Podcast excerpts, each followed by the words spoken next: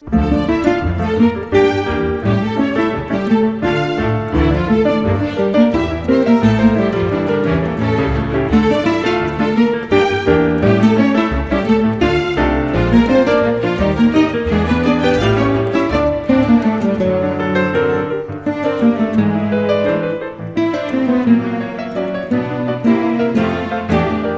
3 minuts passen de dos quarts de 11 del matí. Teníem a la, a la Rosana Lluc eh, des de Llorenç Llibres eh, esperant fa, fa una estoneta. Rosana, bon dia. Hola, molt bon dia. Uh, llibres que, que, també, que també ens esperen per, per l'estiu. Quan parlem jo i la Rosana sempre s'acosta l'estiu. Això, això cada any va passant i, i aleshores canvien una miqueta també la temàtica dels llibres, no, Rosana? Sí, sí, sí. De fet, eh, de vegades busquem llibres com a més... Eh, bueno, més allò, més entretinguts, més de cara a passar-t'ho molt bé sota un pi o, o a la platja llegint, i llavors, doncs, normalment són llibres que, de vegades, eh, de vegades volem que siguin mm, més fàcils, allò que diem, més fàcils de llegir. La, la, la gent vol llegir de la pandèmia o, o, o es vol eh, abair de la pandèmia? Ara ja tothom es vol abair i molt de la molt, pandèmia. oi? Eh? A no sé que algú que estigui molt interessat, però vaja, és que la veritat és que això s'ha notat moltíssim, que la gent es vol abair i molt, lluny, lluny Doncs- molt lluny. Eh?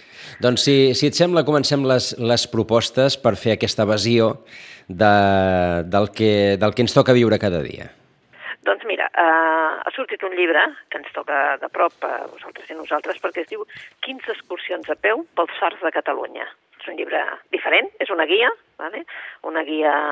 I, i clar, mm, un dels fars, perquè, clar, eh, diu 15, per tant, bé, doncs te'n vas des de mm, des del de Calella, saps, el far de Roses, te'n vas bastant per la Costa Brava, però n'hi ha un que, evidentment, que és el far de Sant Cristòfol i diu de Vilanova Sitges resseguint el litoral del Garraf. Uh -huh. Bé, de què ens parla? Doncs bé, de més o menys del far de Sant Cristòfol, de quan es va fer, de qui, bueno, de que hi havia un torrer, que hi ha ara en aquest moment, que és un... L'espai far és un, un lloc, de, és un museu, i, i llavors ens va parlant de com podem anar de, de, de, des del far fins a, fins a Sitges, a l'estació de Sitges, uh Mhm. -huh. l'estació de tren de Sitges, resseguint, evidentment, el GR, però que ja ens ho marca i ens diu que és una excursió fàcil, que és una excursió doncs, que passaràs per l'Atlàntida, per les cales abans, que si vols portar un banyador, però que clar que no cal perquè són platges nudistes. Bé, és una manera de, de fer excursions molt, molt a prop de casa, no?, en aquest cas, i d'una manera mm, senzilla i sobretot econòmica.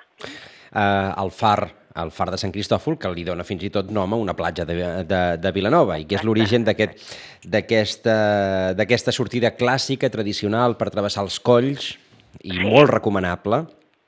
Sí, perquè és, eh, eh, hi pots anar fins i tot amb la família, és una cosa fàcil de fer i bé, i amb dues horetes la fas, vull dir, travesses, passes per l'Atlàntida, que per algú doncs encara serà un record, i, Mhm.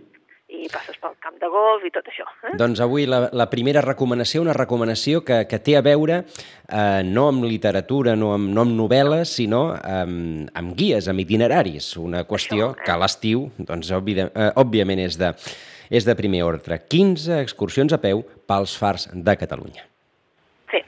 Eh, això ho ha fet la Cecília Lorenzo, no ho hem dit, però l'ha fet la Cecília Lorenzo, que en aquests moments també treballa, és guia turística però, i ha fet diversos llibres de, de guies, diguéssim, i en aquests moments treballa a l'Espai Far. Mhm. Però bé, eh? una possibilitat. Eh? D'acord? Doncs autora local per, per guia que parla Exacte. de, de qüestió local. Més coses, eh, Rosana. Mm, un llibre. Un llibre aquest és més dur, però és també per aquests lectors que volen lectures diferents. La infancia es larga y estrecha como un ataúd y no se puede escapar de ella sin ayuda. Está ahí todo el rato y todo el mundo la ve con la misma claridad que el labio leporino de Ludwig el Guapo. Ocurre con él lo mismo que con Lily la Guapa, que es tan fea que cuesta imaginar que tuvo madre algún día. De todo lo que es feo o desafortunado se dice que es bonito y nadie sabe por qué. Nadie escapa de la infancia, que se te adhiere como un olor. La notas en otros niños y cada uno tiene su propio aroma. El tuyo no lo conoces y a veces temes que sea peor que el de los demás. Estás hablando con otra niña con una infancia que huele a ceniza y carbón y de pronto retrocede al percibir el hedor, el de tu propia infancia. Estudias hartadillas a los mayores que llevan su infancia dentro, andrajosa y agujereada como una manta vieja y apolillada que ya ni recuerdan ni necesitan. A simple vista no se les nota que han tenido una infancia y no te atreves a preguntarles cómo consiguieron superarla sin que les dejara el rostro marcado de hondas cicatrices. Bé, aquest és un llibre que us hem llegit altres en castellà, també hi és en català, uh -huh. es diu Trilogia de Copenhague, de la Tove Dilbensen, eh? I és, eh, bé, és una vida apassionada. És la vida d'aquesta uh, autora. Uh, són tres novel·les curtes, i per això diu Trilogia de Copenhague, perquè són tres novel·letes curtes, i són no, novel·les autobiogràfiques. És una autora danesa, una de les més importants de, o més singulars del segle XX, una autora que no estava traduïda, i per tant eh, és una mica, la comparen una mica amb l'Helena Ferrante, eh, quan parla de, d'aquella infància a Nàpols de les dues amigues. Eh? Mm. I aquesta és una noia doncs, amb un barri obrer que ja quan comences dius, mare de Déu, dir, un barri obrer, uh, és el període d'entreguerres i, i, i bé, doncs l'autora, la Tove, va haver de, de viure amb això, eh? amb aquesta vocació que tenia ella com a escriptora, però alhora, esclar, era filla d'algú i per tant s'havia de fer càrrec també de, de, de la seva família, però també era mare i també era dona d'algú. I bé, una vida també una mica doncs, eh, disbauxada en el sentit de que, doncs bé, alcohol, medicaments i bé, la seva vida doncs, va acabar d'una manera brutal l'any 76 perquè va decidir treure's la vida. Eh? Llavors, però, de fet, aquesta obra realment és d'aquells per llegir-la. Llegir-la amb calma, abans que ens vingui massa la calor, perquè si no, realment eh, és més dura eh, que les altres. És que el, el, fragment, el fragment sobre la infància que has llegit, que té un punt sí. poètic, però també és, és molt dur, això de, de, de l'olor de la infància i de les marques sí. de la infantesa. Per tant... Sí, eh? tot allò que pensem que sempre que la infantesa és aquell període, no? Per tots és aquell període no? que recordes feliç. Uh -huh. En definitiva, per tots és un període feliç, un període que no t'havies de, de preocupar de res, vull dir, perquè no? tot ho feien per tu, vull dir, l'únic que havies de fer és jugar i bé, doncs eh, també hi ha un altre tipus de record de la infantesa que és el, seu. Eh? Doncs Trilogia de Copenhague, que sí. és de la Tove Ditlevsen. Ditlevsen, en castellà està editat per Sex Barral i en català per l'altra editorial. Eh? Vull uh -huh. dir, una de les apostes així per a aquells que vulguin una aposta més literària. Mm? I si voleu una cosa fàcil, doncs una cosa fàcil seria la, la novel·la policiaca de la dona Leon, que ens porta cap a Venècia, que és allò des de casa se n'anem cap a Venècia, sense haver de, de passar ni amb passaport Covid ni res de res, se n'anem a Venècia amb els esclaus del desig. I és que aquesta ja és el número 30 dels casos del comissari Brunetti. Um, bé, és una autora que tots sabem que és uh, una autora americana, afincada a, a Venècia des de fa moltíssims anys, i és per això que és l'únic llengua que no es publica la, la dona Leon és en italià, perquè ella no vol que els seus veïns llegeixin les novel·les en, en el que poden estar reflectits. Eh? Oh, que bo!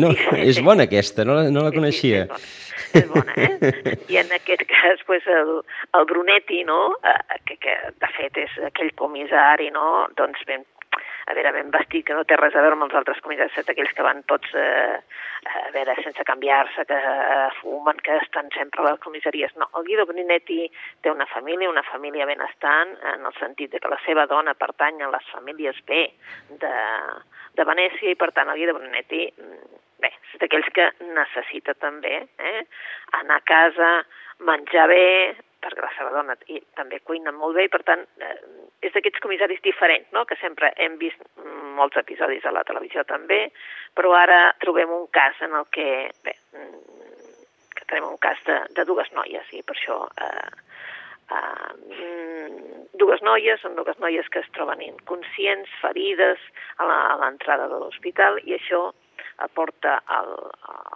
el Brunetti darrere de dos, dos joves dos joves venecians que podrien haver fet un delicte d'omissió de, de, de deure de socors, perquè les estan, les han trobades a l'entrada de l'hospital sense que ningú les hagi portades, ferides greus, etc etc. no? Uh -huh.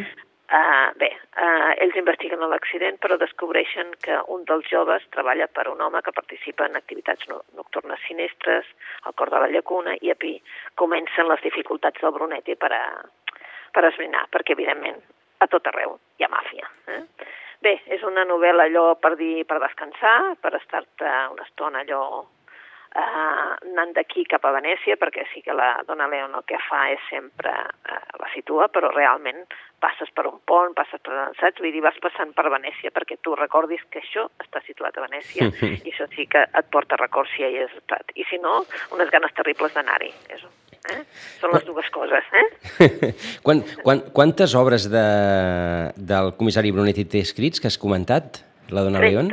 30. 30. 30. Amb aquesta en fan 30. Eh? Uh -huh. Vull dir que mm, n'hi ha, ha un pou per, per, per decidir quina llegeixes, saps? Uh -huh. Vull dir, eh, des d'una que està centrada a la Fenice, una altra, saps? Vull dir, n'hi ha, ha algunes molt centrades en algun lloc de Venècia, no? Però totes, totes passen a Venècia. D'acord, doncs... Totes. Eh? Llavors, vull dir, és una manera de viatjar sense moure't de casa. Lectura fàcil, en aquest cas, policiaca, entretinguda, d'aquelles que enganxa, de la Dona León. I en tenim un altre, també així un thriller, si de cas un thriller, que ve de la mà de Berna González Arbor, i ella és la, la filla de la González Ledesma, un altre autor de novel·la policiaca que, bueno, que escrivia moltíssimes novel·les, moltíssimes novel·les en l'època en la que s'havia d'escriure molt per guanyar quatre duros, i ella ara fa un thriller, un thriller periodístic, i, i, i en definitiva està fent una crítica de, bé, de tots aquests mitjans eh, que aprofiten eh, tan, tan mediàtics, tan mediàtics, que doncs, eh, en comptes de fer realment periodisme de, de debò, el que estan fent és doncs, bé, crear opinions eh, i, i fer soltar absolutament de tot. Uh, bé, ara els diaris últimament se n'estan fent ressò d'aquesta no, docusèrie de la Rocío i, i, i de com eh, bé, els mitjans de comunicació estan, potser no van ser eh, tot lo justos que havien de ser, però ara tampoc no són justos perquè continuen fent, malgrat que hagin fet allò un mea culpa, continuen fent el mateix i per tant això és una indústria i res més, no? I ara en aquest cas eh, aquí el que hi ha és una reportera de televisió, la Greta, Greta Cadaqués, que l'envien a, a, a cobrir un succés, un succés d'una nena que ha caigut en, en un pou a les afores de Madrid. Clar, mm, ella, a més a més, eh, hauria d'anar a un judici, que és que hi ha d'anar com a jurat popular, eh, i llavors té el seu càmera, que és el, el Juan, i el seu jefe. El seu jefe, en definitiva, és aquell típic jefe que el que vol és que hi hagi molta audiència i, per tant, eh, l'apreta perquè tregui suc de tot allò i que tregui el, els detalls més foscos no, del cas. Eh, clar, llavors, eh, el que passa és que el càmera voldria doncs, fer una cosa periodística mm, ben feta, etc. I aquí tornem a estar amb això, eh, amb una cosa personal, evidentment que hi ha un thriller perquè ja no se sap ben bé què carai ha passat, però sí que és veritat que la Greta s'ha d'enfrontar amb aquesta cosa personal de dir, bueno, fins a quin punt tu pots fer una cosa professional sèria o no per tenir més diners o no, perquè això mogui més diners o no, i a partir d'aquí doncs, també pot ser ens presenta allò que la, la veritat pot ser molt relativa en funció de qui, qui l'expliqui eh? i el que vulgui aconseguir amb aquesta explicació. Uh. -huh. Es diu El Pozo. El Pozo. El Pozo, i és de la Berna González Arbor. És uh. -huh thriller, o sigui una novel·la com d'intriga, perquè evidentment hi ha molta intriga, però en, re, de, en definitiva també el que vol ella posar és a dir, bueno, el paper dels mitjans de comunicació, en, de segons quins mitjans de comunicació, eh, amb aquest fet de dir, bé, tot va pel davant per tenir audiència. Ja. Yeah. Mm, eh? Interessant, eh? perquè és un, sí, eh? perquè és un debat força, com, com comentaves, és un, és un debat eh, molt obert ara, ara mateix amb, amb doncs, com estem mediatitzats també pels, eh, pels mitjans. Exactament. Eh? I, I bé, vull dir, podem passar amb altres llibres, en, en definitiva podem passar... Bé, primer fem una novel·la i així després eh, que continuem amb el resta. A veure. A una novel·la del Ken Haruf. El Ken Haruf és conegut ja a, a casa nostra perquè se li ha publicat un, la trilogia, la trilogia de la plana, que i l'última que es va publicar abans que ell, ell va morir en el, sembla que va ser el 14, i es va publicar una novel·la pòstuma, que és la que ell, tot i sabent que tenia un càncer i que la cosa s'acabava, va voler publicar una novel·la que es deia Nosaltres en la nit, una novel·la deliciosa, una novel·la d'aquelles tendres, tendres que val la pena llegir. D'aquesta novel·la després se'n va fer, sé que se'n va fer pel·lícula, jo sempre m'he negat a veure la pel·lícula, malgrat que hi havia el Robert Redford i la Jane Fonda com a protagonistes, mm -hmm. per tant ja veus que és una, una novel·la en la que hi havia dos personatges que eren grans, eh?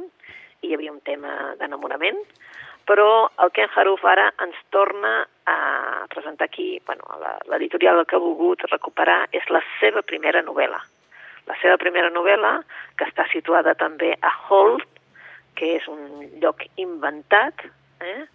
i és un lloc inventat en aquell de que hi ha, doncs, bueno, que són els típics eh, grangers, amb molta, molta, molta camp per, de, de collita, de gra, etc, d'aquells que sempre van amb aquell peto, eh?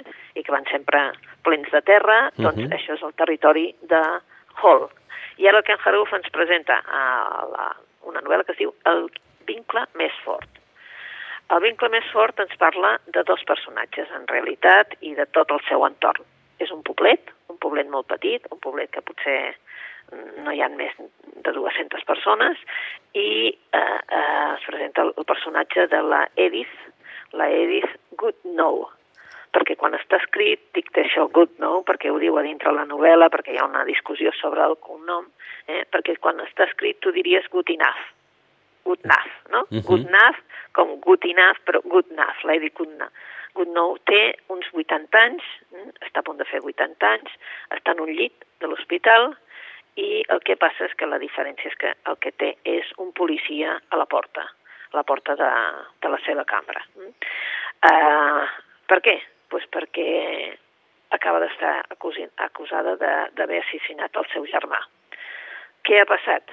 Doncs bé, sabem que la, la casa es va incendiar i a través del seu veí, que és qui explica la novel·la, que és el Sanders Roscoe, veurem la vida, la vida tràgica d'aquesta dona, una dona que ho ha sacrificat tot, ha sacrificat la seva identitat per ajudar i donar suport a la família. Eh? Bé, és uh, una novel·la en la que ens situa a Colorado i per tant aquest, a part de que el, els personatges de l'Edith i del, del seu germà seran importants, el que és important és el Sanders Roscoe, aquest granger dur, eh, gran, eh, allò que té les coses molt clares i que veu com també una altra vegada, eh, aquest tema de, de fer-se notar, de tenir notorietat, tot això fa que un periodista mm, eh, doncs, mm, emboliqui la troca, per dir-ho d'alguna manera, emboliqui la troca i l'acusin d'assassinat. És una novel·la molt interessant, una novel·la molt ben escrita i per això es diu El vincle més fort. També està feta en castellà, eh? de uh mhm. -huh. Ken Haruf. Doncs el vincle més fort de Ken eh, Haruf és la, eh, una altra de les recomanacions que ens, que ens porta avui, avui la Rosana. Què més? Què més? Bueno, doncs passem, tenim més novel·les, eh? però sí. passem amb una perquè eh, aquesta setmana ha aparegut el llibre de Entre el dolor i l'esperança, eh? l'entrevista del Villatoro al Jordi Pujol. Ui, se'n va parlar la setmana passada, exacte, que es va presentar exacte, i tot. Eh? Amb, amb l'absència amb l'absència de Pujol es va presentar. Evidentment, eh? es va uh -huh. presentar. Doncs és curiós perquè just ahir ens arriba un altre, un altre llibre, clar, ara hi ha un llibre, i al costat seu hi ha Oriol Junqueras, contra l'adversitat, que publica ara llibres. Eh? Si em dius quins llibres, bé, els llibres de la pandèmia, tot, tal com tu deies, vull dir, han començat a baixar l'interès per aquests llibres sobre la pandèmia, perquè, bé, ara jo crec que ja tothom n'està fins més amunt de tot el tema de, de si, si ens posen una vacuna, si no, què ens estan explicant, què no ens estan explicant, etc etc. Ara torna aquest debat polític una altra vegada en tot el que ens ha passat en el nou govern, etc etc. Les, les, les declaracions de, del Junqueras estan ara sobre la taula, no? I, clar, eh, bé, doncs eh, resulta que no sabem si posar-lo al costat o posar-lo una mica més lluny, eh? aquests llibres de Contra l'adversitat de l'Oriol Junqueras i el del Jordi Pujol. Per tant, eh, Jordi Pujol, que avui fa 91 anys. Avui fa 91 anys? Doncs Sí. mira, eh? Entre el És a i dir, l'esperança. van- Hem de dir que les memòries del Pujol ja es van, si te'n recordes, fa molts Sí, anys ja es van i publicar. em, són, eh? Eh, que, que en Cuyàs, em sembla que era en Cuyàs, no?, el seu Sí, autor, sí, i, sí, sí, i, sí. i que després, Sí, clar, Cuyàs, que, que, eh? es va, que es va morir ara fa, ara fa uns mesos Sí, i, sí, i, sí, i que sempre devia dir que, clar, van sortir les memòries abans que la confessió. Ah, exacte. I és tot Bé, un problema, doncs oi? Eh, amb tot el tema Pujol que tenim pel mig eh, sobre la taula, doncs eh, ara surt aquest llibre, eh, Entre el dolor i l'esperança, que és una entrevista del Vicenç Villatoro. Mhm. Per tant, mm, És a dir que- les paraules del Pujol, però a través de les preguntes del Vicenç Villatoro. Que els llibres de temàtica, la, els llibres de temàtica política continuen en boga, vamos. Sí, com a mínim eh, aquests més, eh, saps allò, bueno, diguem-ne, més de, de personatge, de Mhm. personatge polític, eh? Jo crec. Vull dir, suposo que, que és això, que és de personatge polític. El Quim Torra, si en recordes, era l'últim que es va presentar així, que, que ell ha anat presentant per diferents llocs. Mhm. I la que va estar aquí Sitges no, no fa massa, Sí, sembla. cert. Que, doncs bé, doncs ara surt aquests dos que suposem que també tindran un cert ressò, de moment. De moment el, el del Junqueras encara no, perquè ja et dic, va sortir ahir, però aquest del Jordi Pujol sí que ja ha tingut una mica de moviment, no? Perquè la gent vol saber, vol saber més, vol saber més, eh? D'acord. En canvi aquest del, del contra l'adversitat, doncs ell diu que és un cant al present i al futur, eh? A veure com un fet de- d'encarar els debats cap a una societat que ell vol que sigui, millor. In, eh, interessant, interessant tot, perquè Interessant. el, el, de, el de Junqueras ve després de- de- d'aquesta carta al, al diari Ara i el, de, i el de Pujol, que Villatoro em sembla que deia que, que el títol l'havia posat el mateix Pujol. Es veu que, havia, que, van, que van estar triant diversos, diversos títols i, i va triar aquest Entre el dolor i l'esperança. L'esperança, sí. Déu-n'hi-do, doncs, eh? El va triar, ja diu el què, no? I tant. Bé, bé, doncs si us voleu entretenir molt més eh, que um, d'aquests dos, que evidentment són, són llibres doncs, que ens poden, ens poden fer mal en el sentit de, de, del que pensem, etc etc. Uh, se n'anem cap a una sèrie que ha tornat a ressorgir gràcies a una sèrie de, de, de Netflix. Eh? Mm. I us parlem de l'Arsène Lupin. Ah, Arsène Lupin, eh? Uh, quan va sortir la sèrie no hi havia els llibres reeditats, um, quedava només un resta d'una edició, i ara dues editorials s'han posat les piles i han editat els llibres de l'Arsène Lupin. Per una banda estan en castellà amb, amb butxaca, eh? que clar, són més baratets, n'hi ha cinc títols ja, i eh, després l'editorial Duomo acaba de presentar també el segon títol de la seva sèrie, també, que és eh, Arsène Lupin i la aguja hueca, i també eh, en català s'acaba de presentar també eh, un títol. És que, clar, sabem allò que, que ara sembla que l'Arsène Lupin, com a mínim, l'hauríem de conèixer.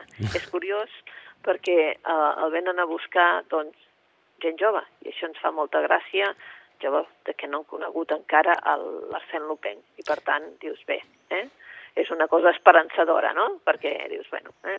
a veure si realment eh, doncs bé, coneixen també un altre personatge. És, és curiós, és a dir, és un, és un personatge de, de novel·la, però de... ara estava, estic buscant a veure si, si trobo de quan, de quan són els originals de...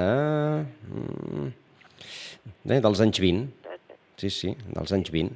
Són, són els, eh, els originals. Per tant, doncs, eh, Déu-n'hi-do que gràcies a una sèrie de Netflix s'hagi pogut eh, també, també recuperar aquest, eh, aquest personatge. Rosana, em sembla que no tenim temps per, per, gaire, per gaire més, perquè estem arribant a les 11.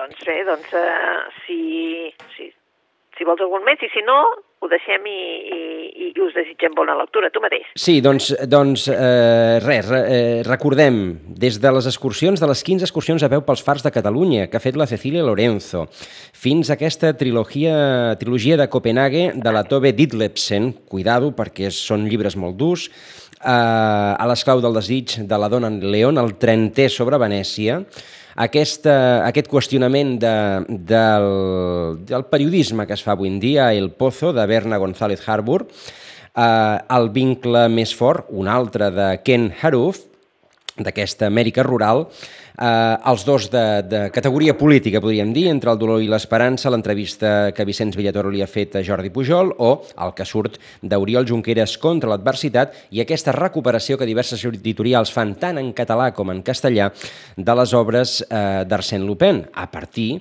de, eh, de l'èxit eh, que ha tingut la sèrie eh, que s'ha pogut veure a Netflix, i que ens destaca la Rosana, sobretot gent jove s'interessa pel personatge, perquè és que aquestes coses doncs, doncs, eh, són intemporals i, és, i pot ser bonic també llegir eh, aquestes obres de, escrites fa, fa 100 anys. Rosana, moltíssimes gràcies per aquesta estoneta i, com sempre, bona lectura. Bona lectura a vosaltres.